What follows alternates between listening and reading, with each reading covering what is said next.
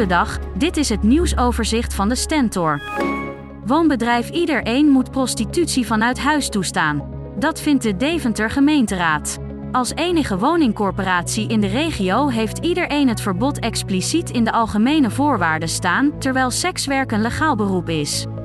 Dat is volgens de raad stigmatiserend. Een 19-jarige jongen uit Hasselt is gisteravond om het leven gekomen bij een ongeluk bij Rauwveen. Twee auto's botsten op elkaar op de Hasselterweg. De andere bestuurder is een 21-jarige man uit Ruinerwold. Hij is met onbekend letsel naar het ziekenhuis gebracht. Het pand van de Sligro in Zwolle is vanochtend tijdelijk ontruimd. Dit gebeurde vanwege een koelgaslekkage. Brandweermannen zijn met beschermende maskers naar binnen gegaan en hebben het lek gelokaliseerd. Er was op geen enkel moment een gevaar voor de gezondheid. Een auto en een bestelbusje zijn in botsing gekomen op een kruising in Nieuwleuzen. Daarbij is de auto dwars door een heg geschoten en in een tuin beland. De brandweer heeft de bestuurder van de personenauto uit het voertuig moeten helpen omdat de portieren niet meer open gingen.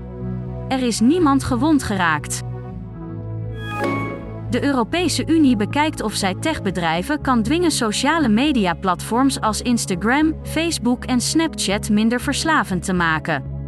Trucs die leiden tot eindeloos scrollen zouden dan worden verboden, net als het automatisch starten van filmpjes. Tot zover het nieuwsoverzicht van de Stentor. Wil je meer weten? Ga dan naar de Stentor.nl.